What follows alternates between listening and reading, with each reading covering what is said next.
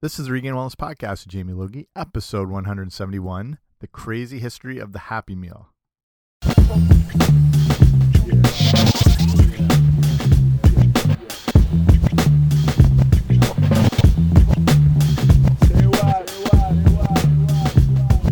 Hey guys, what's happening? Welcome back to the podcast, or welcome if you're new. I'm Jamie Logie. I run regainedwellness.com, and this is the Regained Wellness Podcast.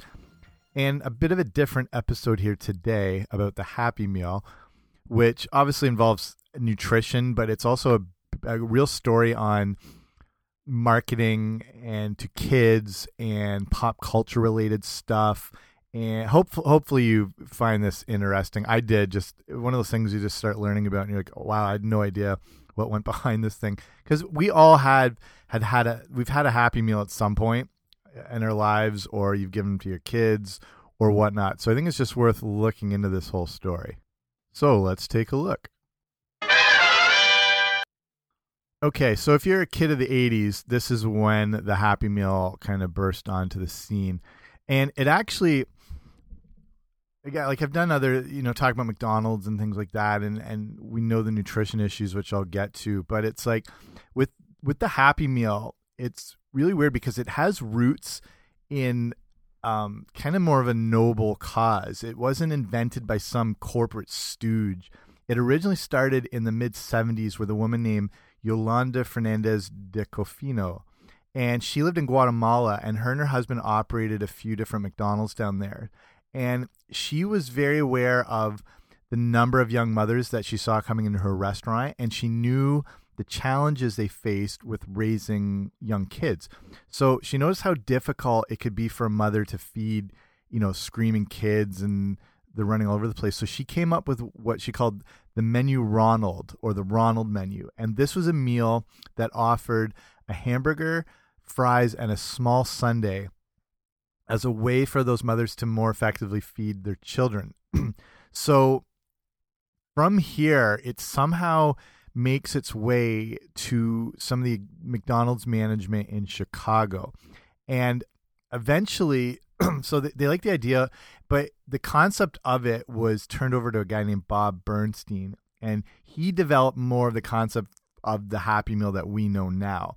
And this guy was a consultant for McDonald's. He would regularly meet with owners of McDonald's and they would go over all the things related to like customer experiences and whatnot. But the big one that would always came up like come up would um, these clients that ran the McDonald's is how they could create a better experience for families and kids. So up until the Happy Meal, if you watch kids in a restaurant, whether it was fast food or a regular one, or still happens now, kids would often like pick at their parents' meals, and kids menus in general are not a big thing yet. Sort of in the late seventies, eighties, it's it's hard, hard to think of any form of food service that doesn't cater to kids, and they're like picking us now. But that was sort of the case.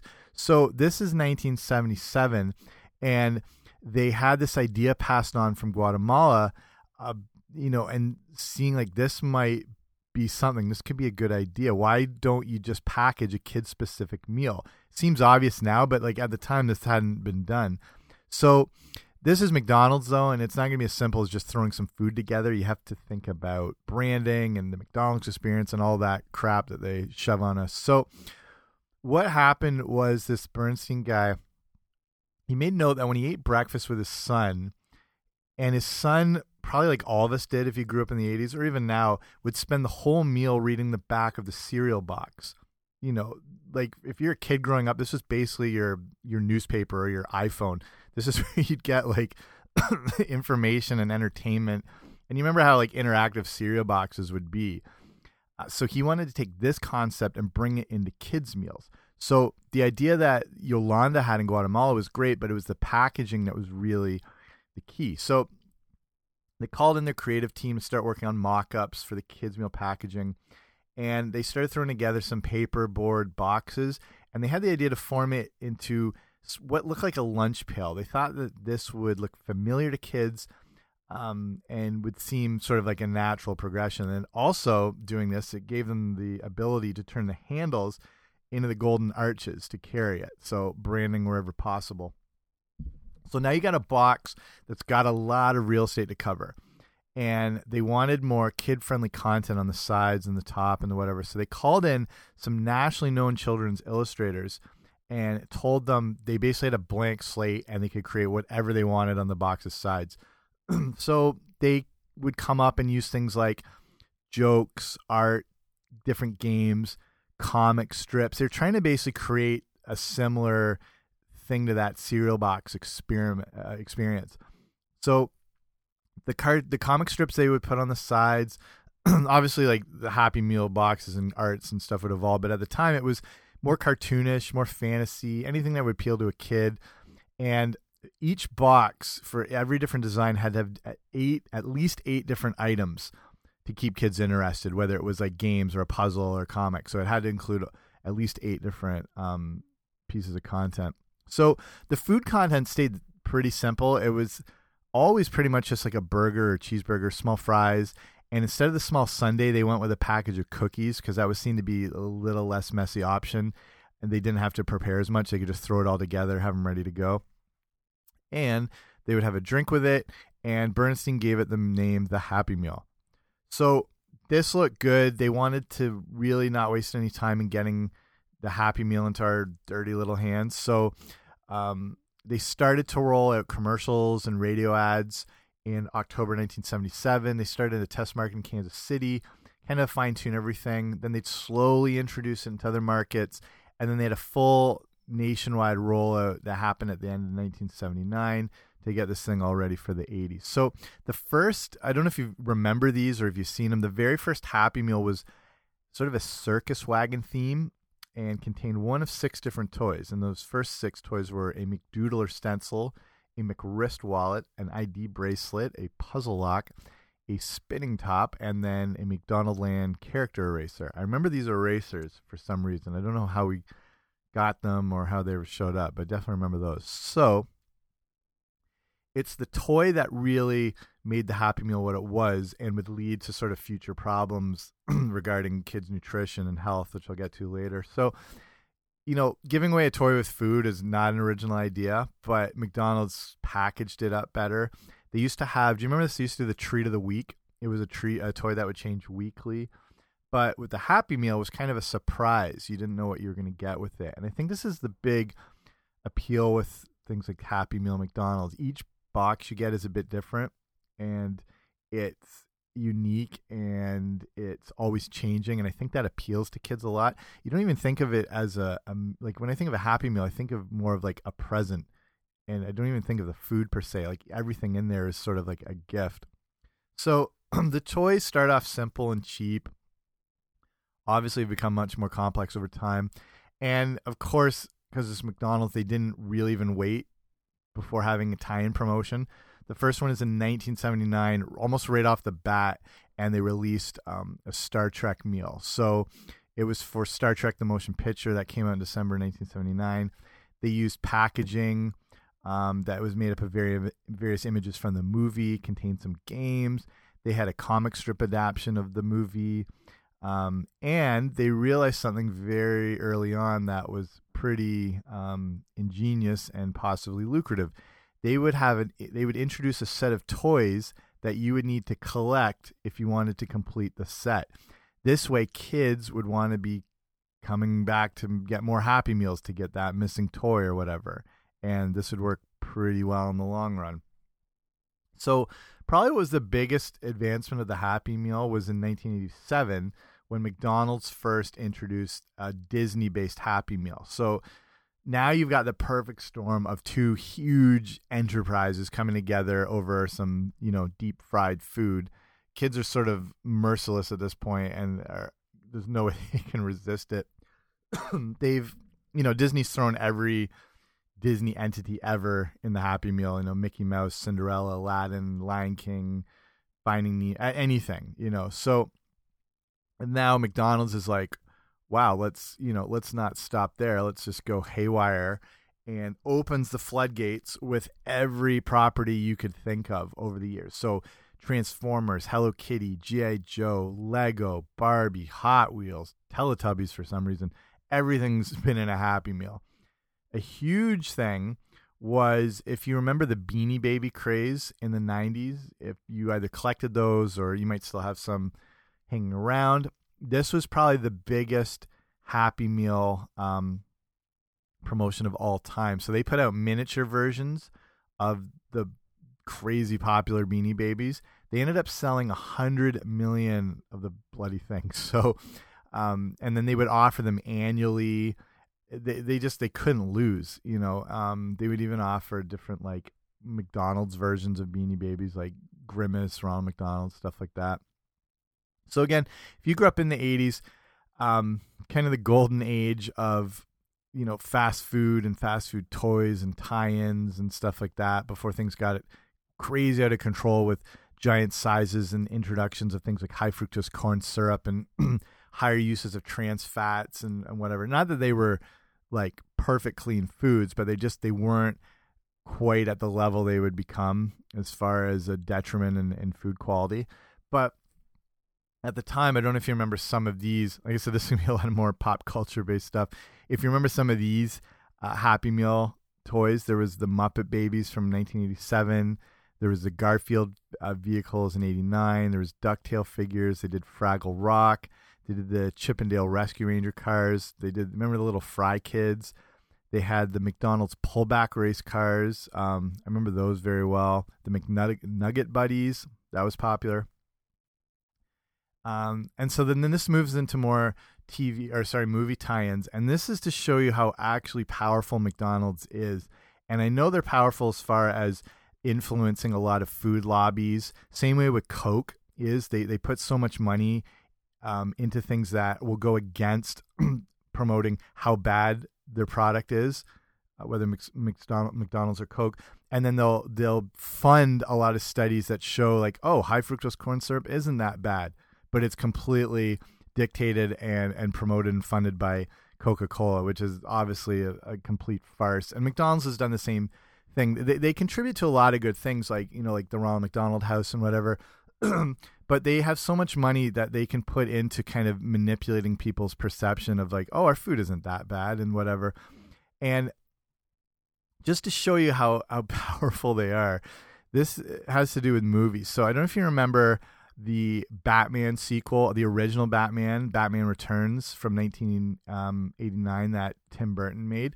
So if you remember, like the original story of Batman is pretty dark. It's not really a you know kids thing. You got this like child who sees his parents murdered uh, and then turns into a vigilante to fight crime. But if you haven't seen Batman Returns, it, it's a pretty awesome movie, but it's it's also pretty messed up. You've got a lot of dark stuff in there. Um, if you remember Danny DeVito playing the Penguin, there's a plot to kill all the little kids um, because he was orphaned. There's a lot of death in it. So this, you know, super dark tone of Tim Burton, they like they knew what a big franchise Batman was, so McDonald's was like all over it for the Happy Meal. Um, but this, you know, it doesn't really mesh well with that bright, happy yellow and red sort of motif of McDonald's. And even as the movie was being finished, Burton was arguing with the censors over the movie. It was originally going to be an R-rated movie, and they were trying to cut out scenes and extra violence to bring it down to PG thirteen. So the whole the version of the movie was completely up in the air. So McDonald's only got to see a very rough cut, and really wasn't sure what the movie would end up being. So they signed a deal, and they started marketing. I don't know if you remember this. I I I do vaguely because I do remember the commercials and looked them up on YouTube. So they started actually marketing Batman Returns as a family friendly film with their Happy Meals. So again, like if you've seen the movie, you've got you know Michelle Pfeiffer being thrown over the top of a skyscraper, um, people being electrocuted to death. Yeah, basically, when people started seeing this or taking their kids, they started complaining how the movie was unsuitable for children, and then McDonald's flipped out, which is ultimately their own fault. But um, Tim Burton said he's like, I think I upset McDonald's. They asked, "What's the black stuff coming out of the penguin's mouth?" We can't sell Happy Meals with that.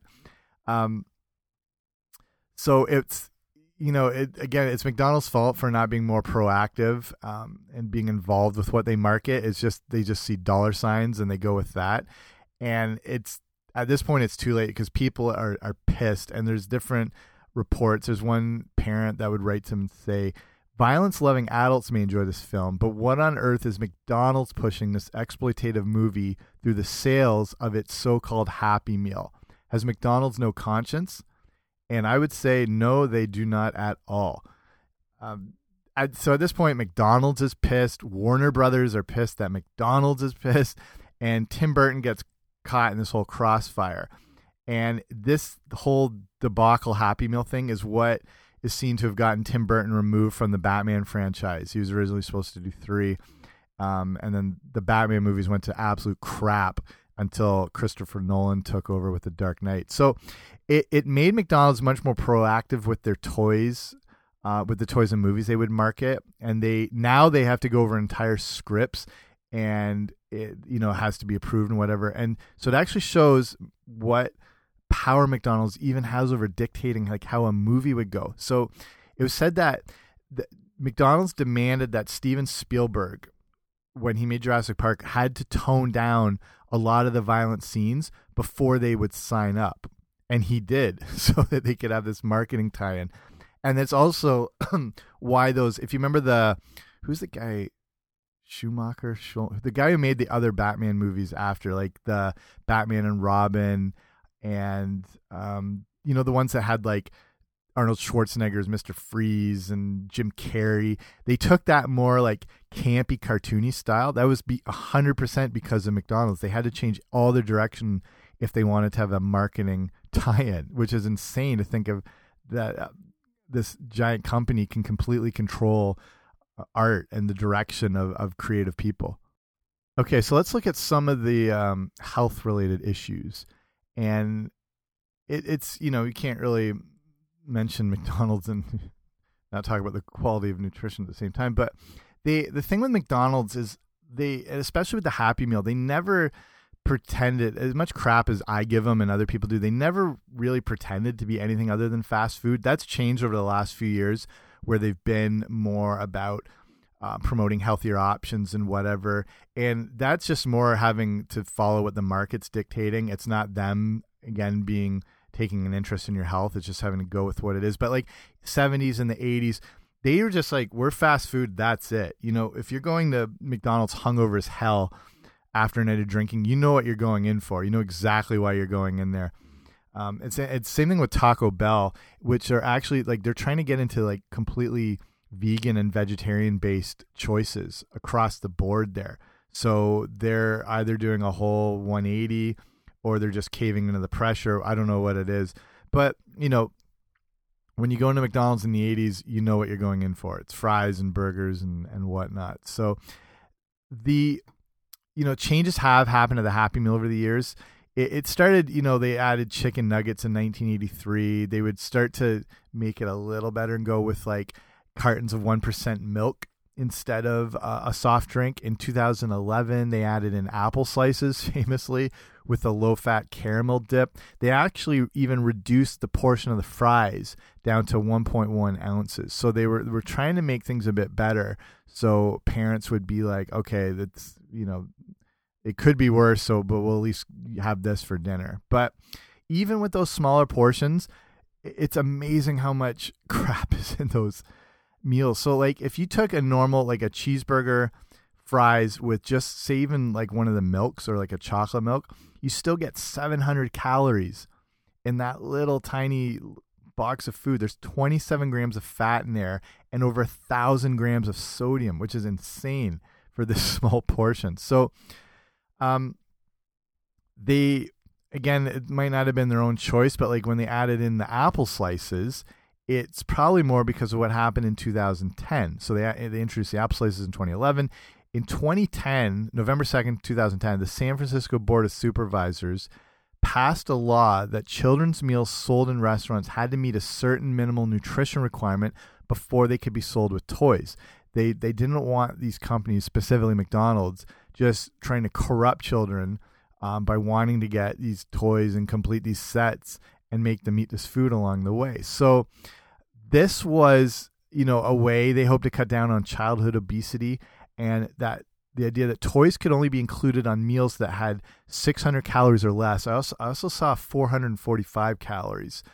Um, and they also had to have less than 640 milligrams of sodium. And the meal would also have to include fruits and vegetables and a beverage that didn't have an excess of sugar or fat. So I think that's why they started throwing in the apple slices and whatnot. So sounds pretty good, right? Except those, if you want to call them proactive aces at McDonald's, were able to completely circumvent that law. And they did it by charging for the toy. They charged just 10 cents, but doing that had them uh, able to completely avoid any of those new requirements. So, you know, screw you kids basically. it's McDonald's approach on all that. So, it's I don't know, it's you wouldn't think this little box of food could cause so many issues, but it's an interesting story on something um, we've all eaten at one point or another. Um, again, you'll probably see them for years. This Happy Meal burst on the scene in the 80s and is a huge um, money maker for McDonald's. It, it, was, you know, it's the perfect combination for a kid. You get to have fast food, you get a toy. If you're going to McDonald's with like the Playland, it's just like crack for kids, you know. And it's powerful stuff, and it's made a lot of people lifelong consumers of McDonald's. This is their idea with like the Playlands and everything. They call it like early something like early branding or early imprinting for future consuming. You know, the idea that if you go in as a kid, you remember the food, you remember the toys, you remember the good feelings of the playland. As an adult, those, you know, nostalgia and warm feelings stick with you, and you're more likely to be a McDonald's customer in the long run. So, you know, it's an interesting thing. I, I don't think there's any, you know, there's no stopping the Happy Meal, let alone McDonald's. And interestingly, the Happy Meal is so much of a heavyweight that McDonald's spends more money marketing and promoting the Happy Meal than they do in advertising to teens and adults combined. That's how much goes into making sure everyone is very aware of um, this food. Okay, let's cut it off there. Hopefully, you find this interesting. It's just one of those topics I just like didn't know went that deep and I just interesting to share information like this. That's re related to food and nutrition but you know incorporates in some pop culture stuff. So yeah that's it. Uh, if you like the show make sure to subscribe wherever you get podcasts. I should be there. If you really like the show leave a rating and review and make sure to check out regainedwellness.com and that's got everything you want to do with health fitness nutrition wellness stuff like that. Okay i'll see you later